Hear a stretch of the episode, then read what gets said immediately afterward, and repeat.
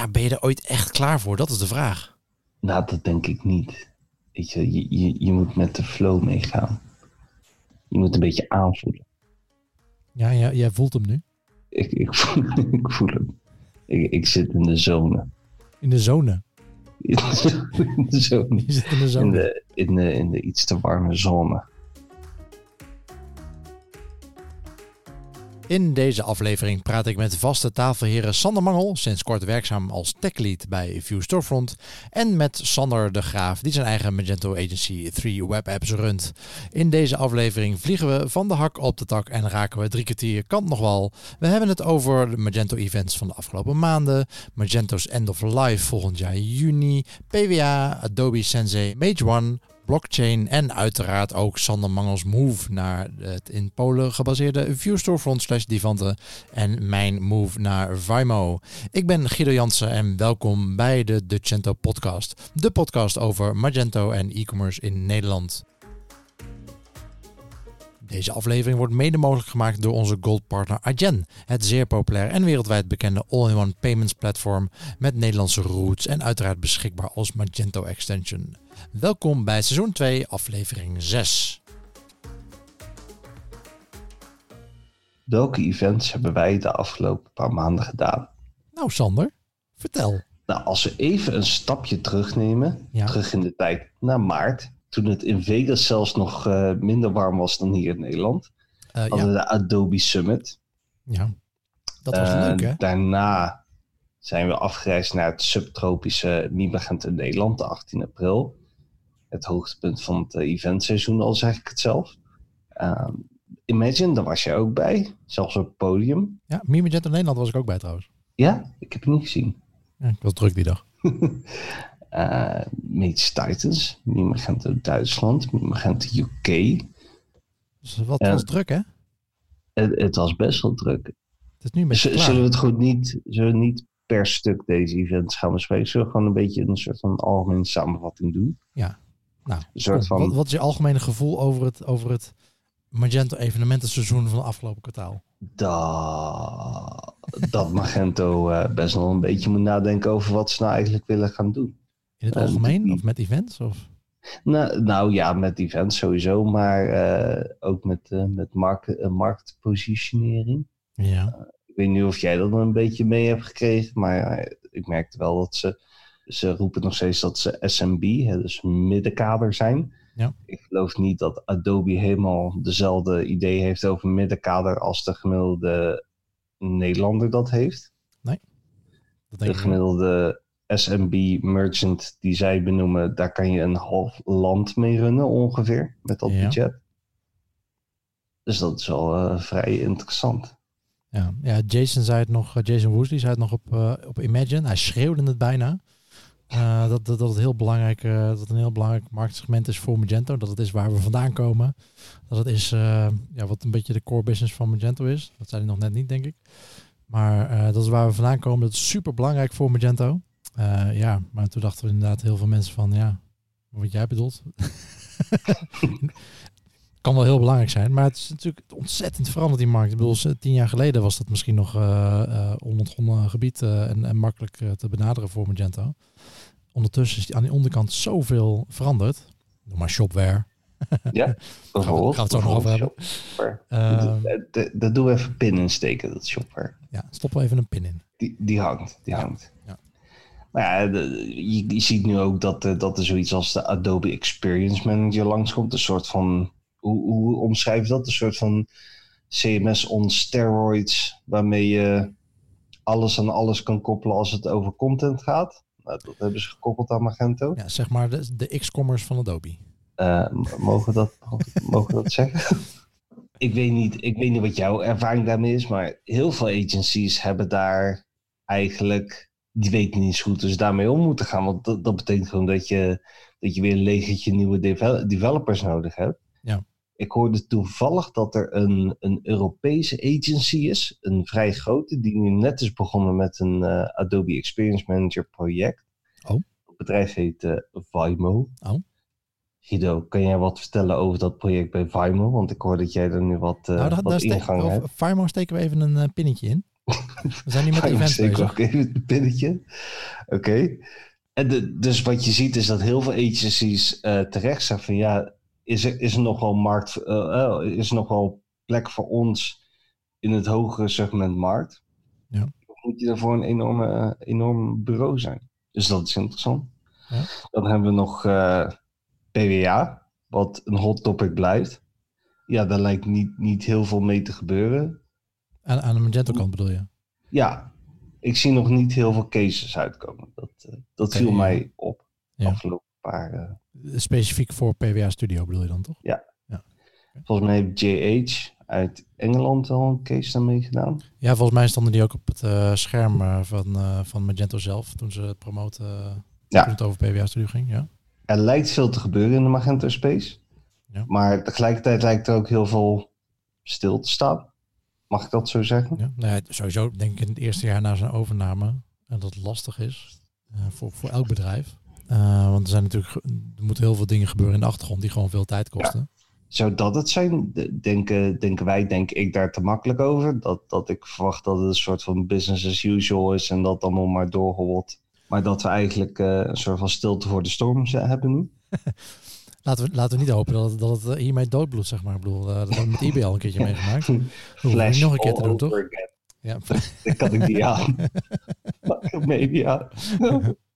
Ja, dat is inderdaad wel, wel interessant. Nee, maar ik denk, dat het, ik denk dat dat wel een deel van de verklaring is, in ieder geval waarom het ehm, eh, misschien wat stiller is. Of, ja, dat, dat zuipt gewoon veel energie van eh, en tijd van, eh, van Magento. De, de, de Magento mensen die nu bij Adobe zitten.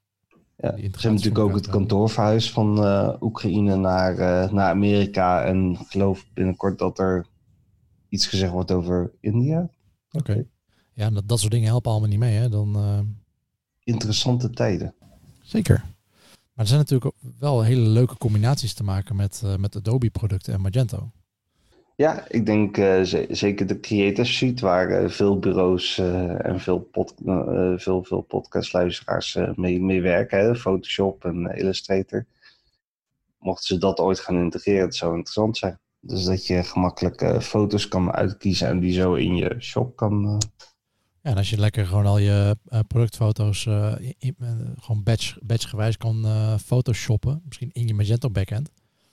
Misschien gewoon wat simpele dingetjes, maar dat wel, eh, dat zou wel hoop schelen natuurlijk dan wanneer je die source files weer moet opzoeken in, je, in je Google Drive of waar je het ook gebruikt op je server van je bedrijf en al die Over bij elkaar FTP'en. zoekt en FT, FTP'en en ja, dat is allemaal gedoe. Als je dat gewoon direct in je Magento backend kan doen, dan kan het enorm veel tijd schelen. Daar goede templates voor kan maken. ah, eens. En eh, Adobe eh, Sensei natuurlijk. Het label dat ze eh, overal plakken wat iets met algoritmes te maken heeft.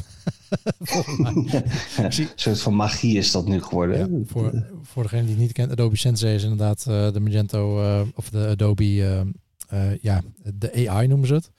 AI machine learning tool. Eh, maar ik zie het op heel veel verschillende plekken ehm, ehm, duikt het op, zeg maar. Dus ik denk van, ja, die dingen hebben helemaal niks met elkaar te maken. Eh, maar dan valt het toch onder het Sensei label. Volgens Ja. mij gebruik ze gewoon voor ieder probleem. Ja, nee, dat, dat, dat, gaan we, dat, dat is machine learning. Dat, dat, dat gaat de computer voor je op. Nee, nee Ja. dat, is, dat, is, dat is geen probleem. Ja. Dat gaat die AI gewoon even. Maar dat, dat is een algemeen dingetje. hè. Dat is geen Magento of Adobe. eh. Ja, dat, gebeurt gewoon Nee, dat, daar hebben we AI en daar hebben we blockchain voor. En die gaan we dan combineren en dan is het probleem opgelost. Ik zag eh, gisteren volgens mij iemand die postte daarover ook van... Oh ja, inderdaad, van ja, AI gaat alles oplossen. En hij gebruikte zo gewoon zijn computer search. Eh, hij wilde gewoon Spotify openen. Dus hij tikt in sp- SPO. En wat er altijd bovenaan staat is install Spotify. En daaronder staat de link met Spotify openen. Die al geïnstalleerd is. Ja, we hebben nog een lange weg te gaan. eh. Zo makkelijk is het allemaal niet. Ja. Maar, eh, maar met Sensei specifiek wat ze eh, op de Summit en ook op Imagine hebben gedemoed, is, is dat je product search kan doen op basis van een foto die je maakt. Dus je maakt gewoon een foto van een, van een product. En specifiek op de, de demo was het een, ehm, een beanie, een muts. De Magento Store gaat gewoon door de catalogus zoeken naar producten die, eh, die daarop lijken. En suggereert ook producten die daarop aansluiten. Eh, of vergelijkbare producten. Eh, ja, dat is wel nice natuurlijk. Ja, dat is wel heel erg gaaf. Alleen dan moet je wel, ja, bij wat voor shops werkt dat? Het moet wel een enorme catalogus hebben. Wil dat een beetje werken, denk ik?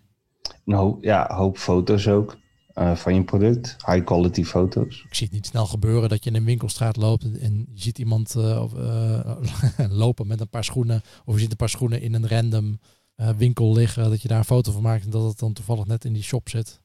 Het is, het is zo een sowieso een beetje creepy om foto's van mensen op straat te maken. Oh. Zelfs als je Sorry. claimt dat het voor je product search is. Ik dacht dat het heel normaal was, maar oké.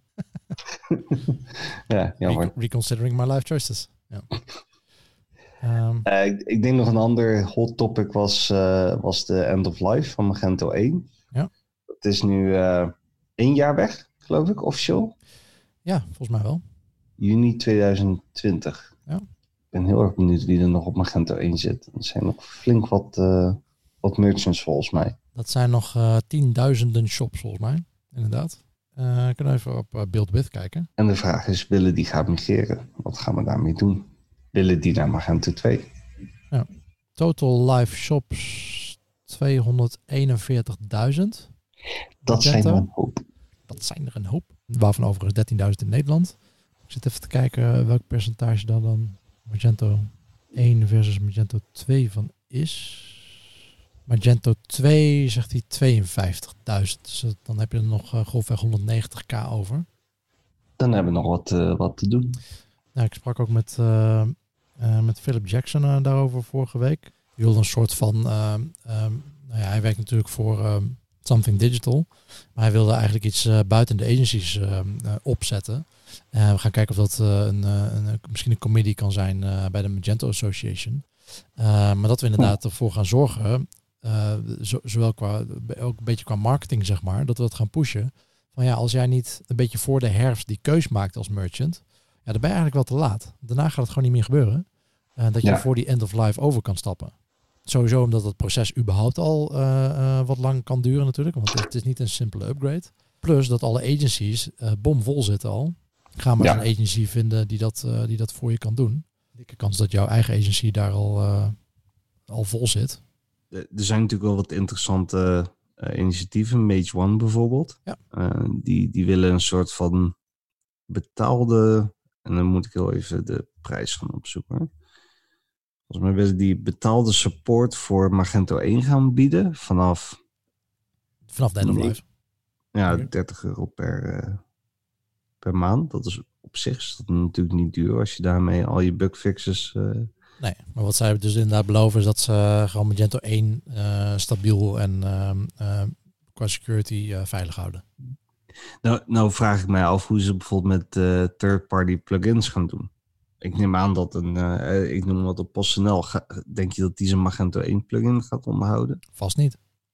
Nou ja, misschien wel voor 13.000 shops. Ja, 13.000 dat zijn alle Magento shops. Oh. in, in Nederland uh, ook zie je op Build With 3200 zijn er op uh, Magento 2. Oh, hey, kijk, Sander de Graaf wil ook meedoen met deze podcast. Oh, daar komt hij al. Ja.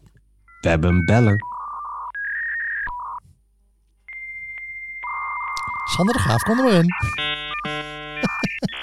volgens mij kan hij ons ook niet horen. Nee, volgens mij niet. Hey guys. Het inbellen is gelukt. Zeg Sander, wat doe jij met de klanten die nog op Magento 1 zitten? Hoeveel heb je er nog? Geef ons de, de dirty details. Hoeveel Magento 1ers heb jij nog? Grofweg de helft. En wat doe ik daarmee? Case bij case bekijken of, of ze naar Magento 2 over moeten. Uh, of dat het beter is van niet. En wat is er van niet? Hebben we dan over Shopify, Shopware, WooCommerce? Gewoon blijven op Magento ja, 1. Ja en ja en ja. Allemaal. Dus de, de e-commerce platformen die voor de, ehm, de shops geschikt zijn, uh, die niet zo onwijs veel omzet hebben, of niet zo onwijs veel producten hebben, of niet zo onwijs veel ingewikkelde koppelingen hebben, um, komen dat soort pakketten inderdaad uh, zomaar voor kijken. En wil dat dan zeggen dat je die klanten gaat kwijtraken als die naar een ander platform gaan? Of gaan jullie als bedrijf meerdere platformen ondersteunen? Nee, nee die, uh, die zouden ook bij ons weggaan. Oké. Wij doen geen, geen andere platformen meer. Dat hebben we in het verleden wel gedaan. Um, in het verleden vonden we dat juist heel erg goed om alle platformen aan te kunnen bieden.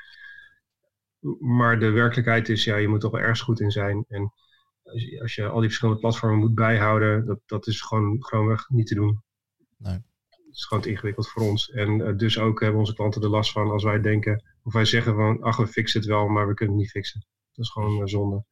En dan heb je geen goede match meer. Daar zijn we mee gestopt. We doen, uh, denk uh, anderhalf jaar geleden voor het laatst nog iets WooCommerce gedaan en de rest doen we niet meer. Is Magento 2 nog wel de juiste oplossing voor jouw marktsegment? Ja, voor heel veel wel. Um, je ziet wel dat het karakter van onze klanten wat gaat veranderen.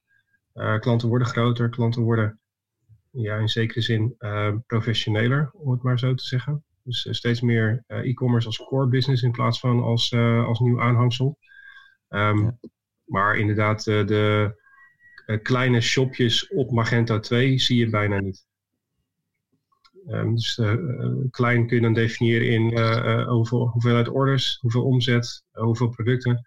Nou als, als dat allemaal klein is, dan, dan past Magento niet zo goed bij. Dan is het al heel gauw een hele dure oplossing voor eigenlijk iets wat je veel goedkoper en makkelijker beheerbaar um, kunt doen. En waarbij je dus ook gebruik kunt maken van echte sterktes van de Um, de kleinere platformen, althans uh, kleiner in de zin van dat ze kleine shops goed ondersteunen. Zoals je ze net noemde, hè, maar je hebt nog veel meer. Mijnwebwinkel.nl, Jimdo, SaaS-producten die, uh, die eigenlijk veel meer geschikt zijn voor, voor ook gebruikers die misschien niet enorme technische skills hebben en toch zelf willen doen. Iets wat Magento eigenlijk ook niet zo goed faciliteert. Nou, daarvoor komen die platformen goed in de buurt om, om dat dus te gaan verkennen, op zijn minst.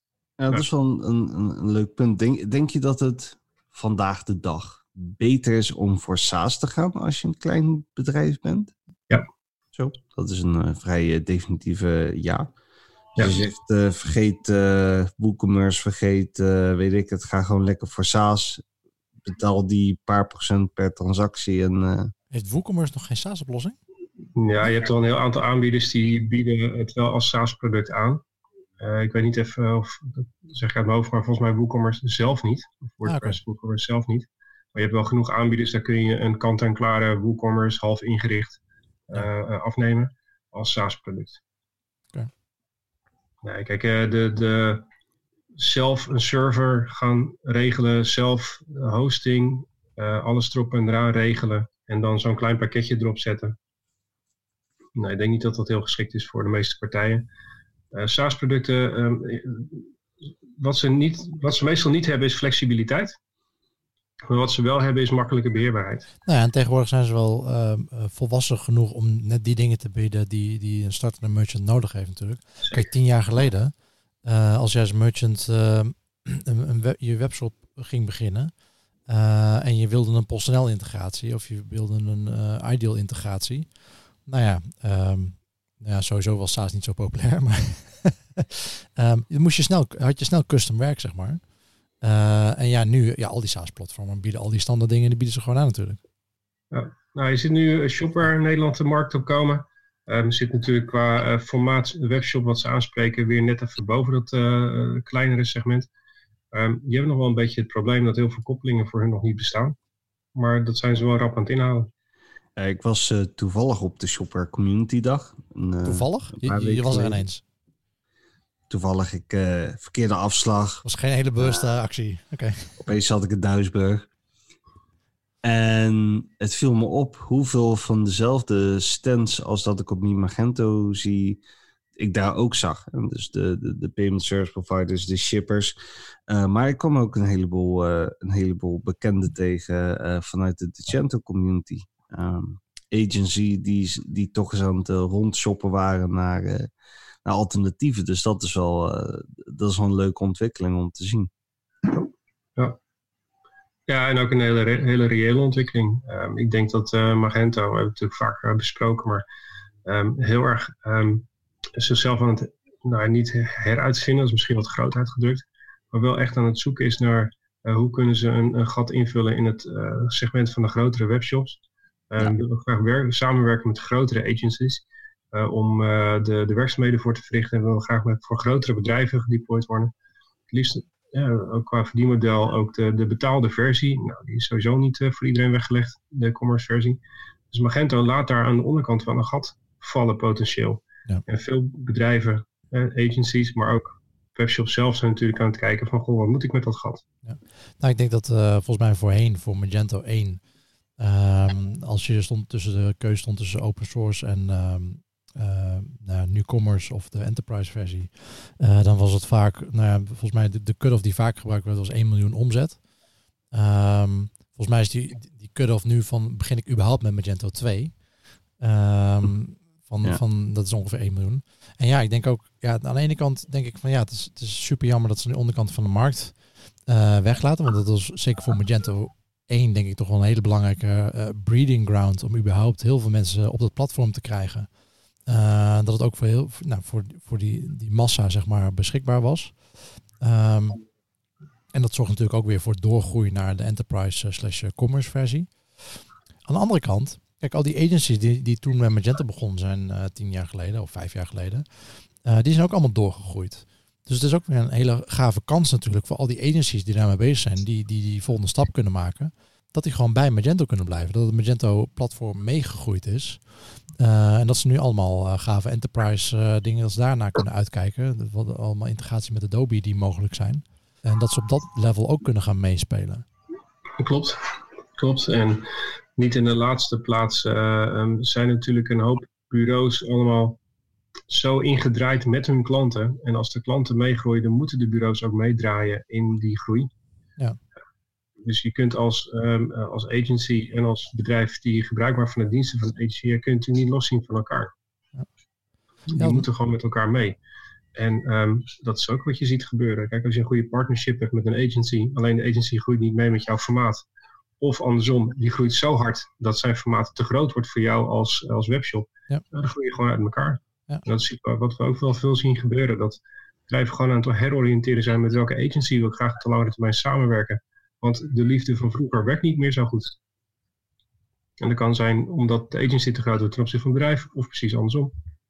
Ja, dat zie ik inderdaad ook wel. Dat, uh, dat er een hoop aan het shoppen zijn. Ja. ja.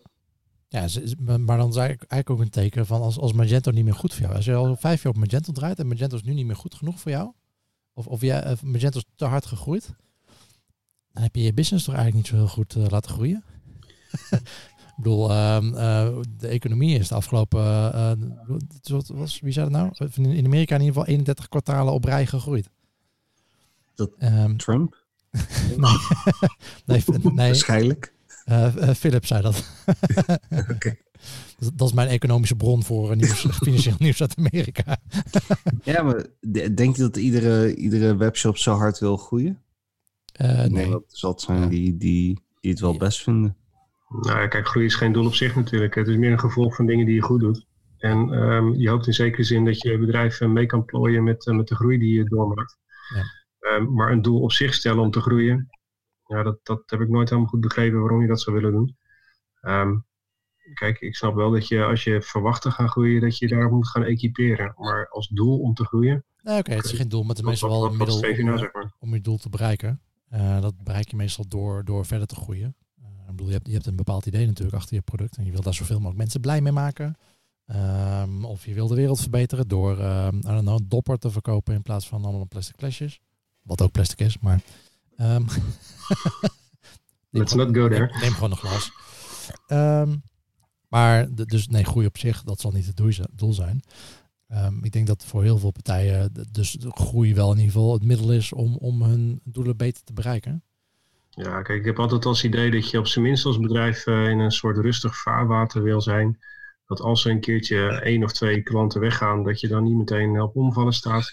Dus als er één of twee medewerkers weggaan, dat je niet op omvallen staat.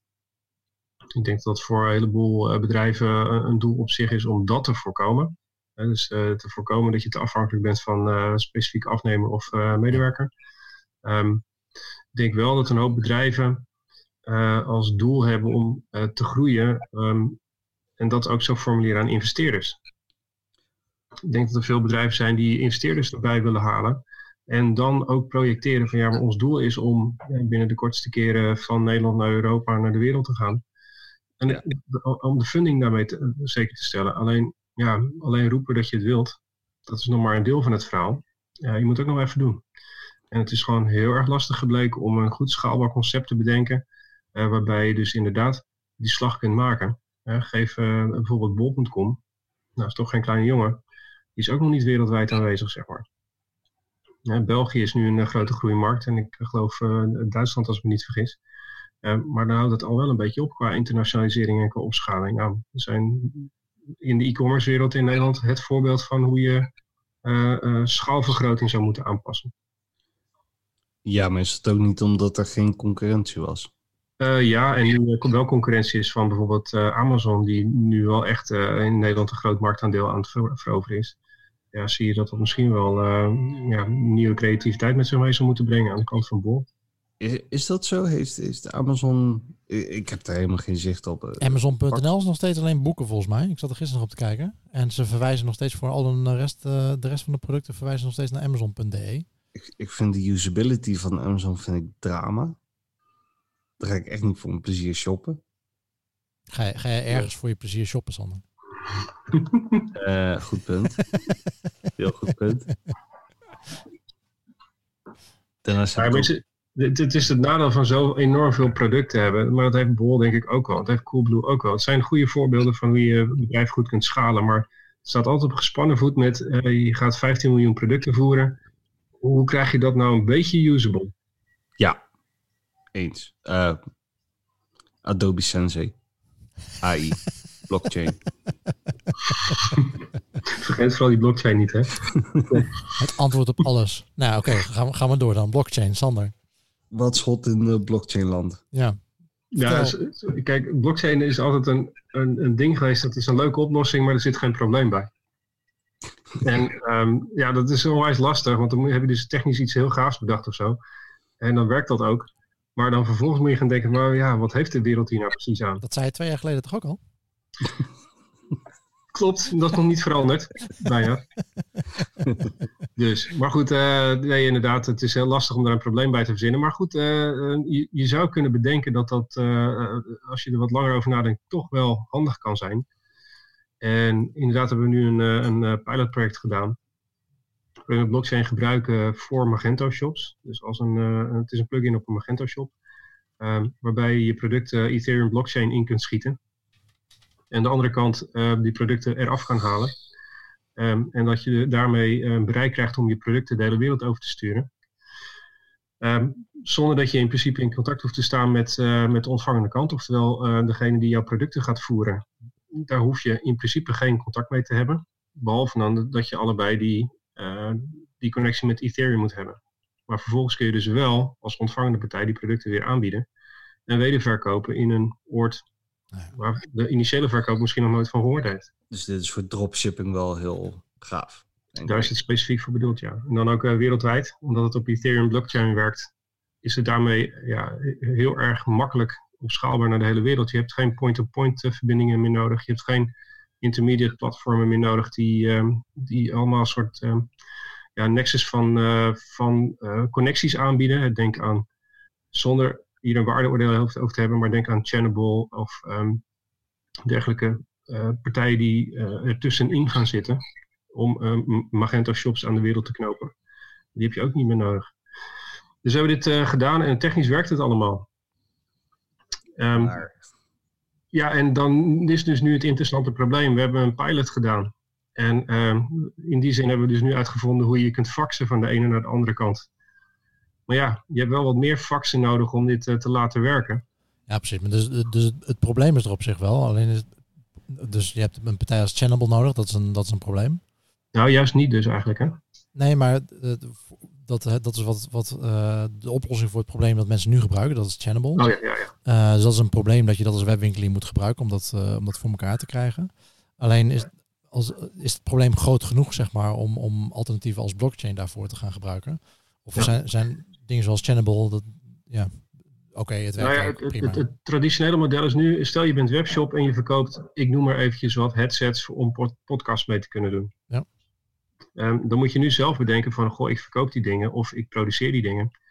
En um, je moet er zelf bedenken via welke kanalen je dat wil aanbieden. Hè. Wil je ze op bol.com zetten, wil je ze op Amazon zetten, waar wil je ze kwijt? Dus als uh, aanbieder heb je een hele sturende richting daarin. Maar stel nou dat er wel een hele gave markt is waar jij eigenlijk niet van weet. Ik noem even een heel extreem voorbeeld. Stel dat er een hele grote markt in Noord-Korea is voor dit soort headsets. Dat zul je niet weten, want jij hebt geen access tot die markt. Maar als dan degene in Noord-Korea denkt van jeetje, ik kan al die headsets hier wel verkopen. Ehm, maar waar haal ik eigenlijk een aanbod van headsets vandaan? Nou, dan hoeft hij in dit geval alleen maar op eh, Ethereum te kijken en dan krijgt hij ze zo binnen. Hoe, hoe werkt dat? Hoe kijk ik op Ethereum? Ja, je kunt uh, um, product feed kun je binnenhalen. Dus je kunt alle producten kun je inzien en daar een keuze in maken welke je zou willen zien. Maar waarom zou ik niet met AliExpress gaan? Dat, dat kan ook. Dat is weer een kan ook. Alleen heb je dus een tussenliggende platform AliExpress ertussen zitten. En in dit ah. geval ben je direct peer-to-peer, dus het tussenliggende platform haal je ertussen uit. Maar krijg je dan, krijg je dan op basis van wat voor unieke, zijn dan unieke identifiers voor die producten waarmee dat werkt? Ja, ja, het zijn contracten die aangeboden worden. Dus het is helemaal in de blockchain gegoten. Ja, oké, maar ik bedoel, eh, hoe weet je dat een product, net zoals dat we nu uh, barcodes hebben voor, voor dezelfde producten, zeg maar? Um, ja, hoe, hoe weet je wat je binnenhaalt? Ja, dat een beetje. Van, van is, is dit product, um, uh, deze, I don't know, als het over tablets hebben, barcode, niet alles heeft barcodes natuurlijk. Um, I don't know, dit, dit, ik heb hier brillenpoetsdoekjes. Die hebben een barcode. Um, ja, daarmee zijn ze uniek gemaakt. Uh, ja, en, en um, zoek, zoek je daarop zo? Hoe is dat geordend in die, in die... Ik bedoel, er zijn zo massa's veel producten natuurlijk. Hoe, hoe is dat geordend in die blockchain? Ja, ze verwijzen gewoon naar een aanbod wat je ook weer online kunt plaatsen. Ah, oké. Okay. Adobe Sensei. oh, nou ja, nu is het duidelijk. Wat is dat eigenlijk? Ja, Begon er even mee. Uh, Adobe Sensei, dat is AI. Dat is, uh, dat is het antwoord op alles. Hebben, ja. hebben ze juist vastgesteld. Ja. Oké, okay, dus je moet wel een soort van... Mag ik het uh, oneerbiedig een, een, een, startpagina powered by blockchain voor producten noemen? Ja, ja dat, dat, mag je zo noemen. Zelf hebben we de term super API eraan gehangen. bescheiden als ze zijn. We het zien als een uh, vervanging voor, voor alle eh, API's die je normaal nodig hebt om je shop te connecten met de buitenwereld en om producten met elkaar uit te wisselen, peer-to-peer of via een derde platform, um, heb je nu eigenlijk maar één API nodig. En via die gestandardiseerde manier kun je zowel de productfeed als ook de, de, de transactie als ook de betaling allemaal in één contract regelen. En dat is wel heel fijn, um, want het bespaart je heel erg op je uitgaven die je hebt aan uh, al die connectors die je moet gaan bouwen of laten bouwen of moet op abonneren of wat dan ook. Maar met name ook omdat je dus zelf moet gaan zoeken hoe je die producten weer de markt in gaat slingeren. Het is een soort universele ex-commerce. Je moet heel even helpen met wat is ex-commerce? Vroeger. Vroeger. Vroeger, toen we nog onderdeel waren van eBay, met Magento. Ja, dat grapje hebben we toen straks ook al gemaakt. Misschien moeten we inderdaad even uitleggen. Um, het idee, het idee van, uh, van eBay toen ze Magento kochten was inderdaad een, een, om een platform te maken. Een soort universele uh, data layer tussen alle producten. Dus Magento, dus je hoeft Magento inderdaad niet te koppelen met allerlei verschillende payment providers, logistieke providers en allerlei diensten die Adobe of uh, die eBay aanbood. maar je hoeft gewoon met al die producten gewoon één integratie te maken met die universele tussenlaag. Um, en dan kon je meteen nou ja, je Magento producten op eBay plaatsen, maar ook betalingen via PayPal doen of whatever. Dat was een beetje het idee. En die, en die tussenlaag die heette X-commerce. Um, wat er dus niet is. maar dat was het hele, idee. Want daar alle Magento uh, developers werden toen uh, na de overname op dat X-commerce project gezet. Volgens mij voor een, uh, voor een jaar of zo. Toen bedachten ja. ze ineens weer van oké, okay, maar Magento moet ook nog een nieuwe release hebben. Toen is iedereen weer terug en dat is allebei niet gelukt. en uh, ja, toen kwam daar Permira. Gelukkig. en toen waren we er vanaf. Ja, kijk, het, het, grote probleem is natuurlijk als je weer een tussenliggend platform creëert. Ja, dus, nu is die term wel ja. juist gekozen. Dat moet ook maar weer goed werken. Precies, ja. En dit is en dat. dat is ook weer iemand die dat moet beheren en iemand die erover gaat. En het mooie van zo'n zo'n blockchain oplossing zoals als Ethereum is gewoon, dat, dat, dat, dat hoeft niemand te beheren, dat is er gewoon. Ja. En um, daar ben je niet afhankelijk van één partij die de features regelt of wat dan ook. Nee, dat, dat, dat zit er allemaal al in. Ja. Maar dan, dan haal ik dat binnen zo'n product. Hoe regel ik dan de betaling? Hoe, hoe zorg ik dat dat dan gegarandeerd is? Je kunt, ja, dat is een goede. Wereldwijde betaling is uh, wel een, uh, een belangrijk issue. Dat zou je dus in dit geval heel makkelijk kunnen oplossen met een Bitcoin-achtige Ethereum. Um, echter, het punt is dat niemand echt op grote schaal betaald met, uh, met Ethereum. Dus je moet dat uiteindelijk zien te maken in een lokale currency. En dat zijn, kijk, het is niet dat we geen uitdagingen hebben. En dit is er duidelijk eentje van. Ehm, Log- en, logistiek ehm, eh, ook- ook de wereldwijde, wereldwijde shipping is hetzelfde. Dat is ook nog wel een probleem. Want hoe ga je douane technisch dit allemaal goed krijgen? En hoe ga je ook zorgen dat ehm, je shipping gewoon op zichzelf goed verloopt? Kijk, iemand in Noord-Korea Ja. kan wel wat bestellen, maar er zit nog wel een klein probleempje tussen. Namelijk, je moet er wel zien te komen. Ja, maar goed, dat, dat is een bestaand probleem natuurlijk. Dat is niet dat, dat Ethereum dat, dat er niet ook alle andere problemen oplost. dat los je niet op, nee. Eh, Nee, dus ehm, eh, voor, voor alle bescheidenheid eh, toch maar eventjes. ehm, we, zoeken natuurlijk niet meteen naar, naar opschaling op dit wereldwijde niveau. Nee. We willen eerst even zorgen dat dit echt helemaal goed, goed werkt en alle problemen eruit gehaald zijn. We hebben ook nog een probleem overigens, als we nu toch problemen aan het ophoesten zijn, eh, met privacy. Ja. Het is wel leuk dat ik eh, jouw gegevens op het internet zet dat jij een headset gekocht hebt van ehm eh, Sennheiser.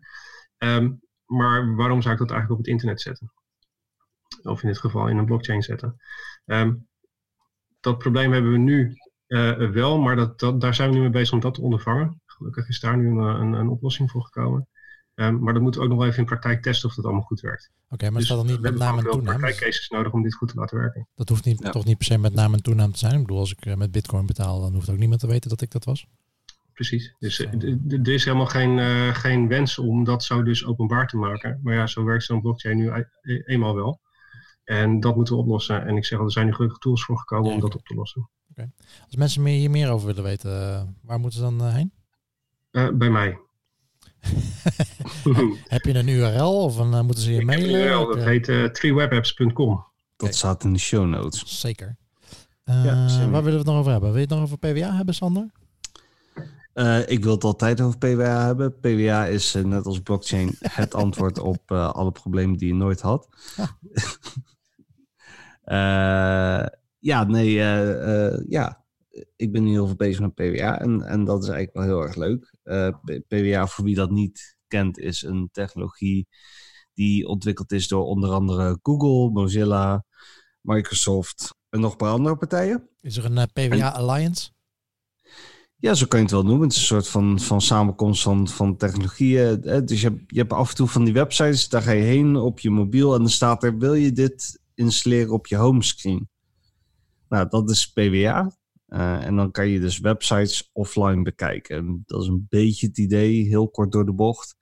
Eh, en het werkt allemaal wat sneller, wat meer responsive en dergelijke. En, eh, Nou, misschien moeten we een aflevering doen. bedrijf, ja. misschien moeten we een aflevering doen over het, het vergelijken van die PWA-platforms. Die presentatie Ja. die jij ook bij Mage Titans hebt gedaan. Kunnen Ja, we hier nog een keertje rustig over doen. Dat is misschien wel Dat is interessant. wel interessant, inderdaad. Dus, eh, dus daar hou ik me mee bezig en, eh, en zo. En Guido, waar hou jij je mee bezig? Eh, nou, momenteel probeer ik een beetje af te koelen. En ventilators en ramen open en ijsblokjes. Ik heb gehoord dat in, in Zweden wel wat koeler is. Dat zou wel fijn zijn, ja. Maar ja, ik ben inderdaad voor Vimo gaan werken. Dat, hebben een kantoor in Zweden. Dat is een hoofdkantoor in Stockholm. Maar laat ze nou heel erg goed zijn in remote werken. En ik dus gewoon thuis op mijn zoldertje te zitten zweten. Jammer weer. Jammer. Jammer. weer. Jammer. Nee, maar dat, eh, ja, ehm, dat gaat hartstikke goed. Het is eh, tweede maand, dus ik ben benieuwd. Maar eh, Ja, ik ben, ik ben vandaag met mijn eerste klantproject begonnen. Oh, jeetje, dat, eh, laten ze je nu al naar buiten. Ja, nou ja, dag twee zat ik al bij die klant. Toen moest het nog getekend worden. Maar nu is het project helemaal rond en dan mag het begonnen gaan worden. Ja. Spannend. Na al deze shameless plugs zullen we dan ook nog heel even eh, eh, iets, iets, een belangrijk topic aansnijden. Is dat, eh, is dat, Dat het is top- namelijk, topic waar we een pinnetje in hadden gestopt? Ja, dat is namelijk Meet Magento 2020. Ik unpin hem even. Oh, daar gaat een alarm af. Dat was ik niet. Ik denk dat we hier wat feedback van onze luisteraars willen hebben. Namelijk, moeten we alleen nog maar Magento doen op Meet Magento? Dan, dan, dan. Ja, die heb ik niet. Ik heb wel deze. ja, sowieso alleen Magento of Mi Magento. Ik denk dat dat onontkoombaar is met zo'n met zo'n naam. Maar wat we natuurlijk wel kunnen doen, waar we het over eh, eh, offline over gehad hebben, is dat we inderdaad andere platforms gaan toevoegen. Dat we een soort meta-evenement van maken. En dan moeten we even bedenken natuurlijk wat de exacte kaders daarvan zijn. Uh, moet het, uh, Open source. Zou het open source moeten zijn? SMB. SMB. Moeten daar dus ook Je omzet. bij. Je, je omzet, ja. Ja, is misschien beter dan SMB, want SMB dan weet nog steeds niemand Nederlandse MKB-bedrijven. Ja, precies. Eh, en daar een evenement voor neerzetten. En we hebben wel het gesprek gehad met onder andere Shopify, die daar wel open voor staan. Ja, en eh, voor heel veel partijen die daar ook vaak als, ehm, eh, als standhouder staan, is dat natuurlijk ook wel interessant. Zeker als je industry partner bent. Eh, als jij een eh, marktplaats bent zoals bol.com, die we als sponsor hadden. Of een agent bent als payment provider. Ehm, dan maakt het niet heel veel uit wat voor platform daar natuurlijk eh, gepromoot wordt. Dus voor dat soort eh, partijen kan het best wel interessant zijn. En, eh, en ook als webwinkelier en als agency kan het dus best wel interessant zijn. Dat we dan wel een, soort algemeen platform hebben. maar wel een, een soort Mi Magento als, als een track of meerdere tracks. Maar En waar kunnen mensen naartoe mailen als, als ze hier een zegje over willen doen? Want we willen graag input. Zullen we een, een e-mailadres in de show notes zetten? ja hoor, of gewoon naar info.degento.org. info.degento.org. Het kan niet makkelijker. Of naar i.degento.org, dat is makkelijker. Dus heb je ideeën over? Heb je platform die je hier graag wil zien? Heb je, heb je suggesties? Heb je klachten? Klachten mogen ook. Spam at decento.org. Ja. Ehm, mail het allemaal naar info at. En eh, dan komen we bij je terug. Ja, in de volgende aflevering gaan we al die feedback behandelen. gaan, we, gaan we iedere inzending gaan we even doorlezen. Alle twee. On that note, Sander, heb jij nog wat te pitchen? Nee, nee, die hele blockchain, dat, eh, dat was nog wel een beetje voor vandaag. Ja, nee, dat, dat- Volgende keer wil ik het graag hebben over voice commerce. Ja. Voice commerce. ja, nee, dat is, eh, dat is, dat is goed. Ja. Stel maar in de comments of je dat wil of niet. Ik, eh, ik denk dat het tijd wordt om, eh, om voor de koelkast te gaan zitten. Met de deur open. Af te koelen. Ja, of erin. Of erin. Lijkt me Ja, goed. ik, ik, ik heb een tafelmodelletje. Dat, eh, Dat gaat niet gebeuren. dat gaat niet worden. Helaas. Ja. Bedankt voor dit eh, gesprek, heren. Hey, eh, dat moeten we vaker doen. Ja, zeker. Misschien één keer per week. één keer per twee weken. Dat zou leuk kunnen. zijn. Zou leuk Beetje zijn. continuïteit. Goed idee. Goeie man. Leuk, gaan we doen. Hey, doe je. Fijne. Ja, en dat was hem weer. Mocht je nou meer willen weten over de besproken onderwerpen, neem dan een kijkje in de show notes van deze aflevering. Ben je nog niet geabonneerd op ons, maar wil je wel een melding ontvangen zodra er een nieuwe aflevering online gaat? Zoek dan in je favoriete app naar deze podcast, de Cento Podcast, en volg ons daar. We staan in iTunes, Spotify, Google Podcast en alle populaire podcast apps. En wat we al zeiden, heb je feedback of input voor ons voor het event van volgend jaar? Of heb je gewoon in het algemeen wat feedback op de podcast? Eh, of heb je een topic voor de volgende aflevering? Laat het ons dan weten op info.decento.org of op ons Slack kanaal. Tot de volgende keer.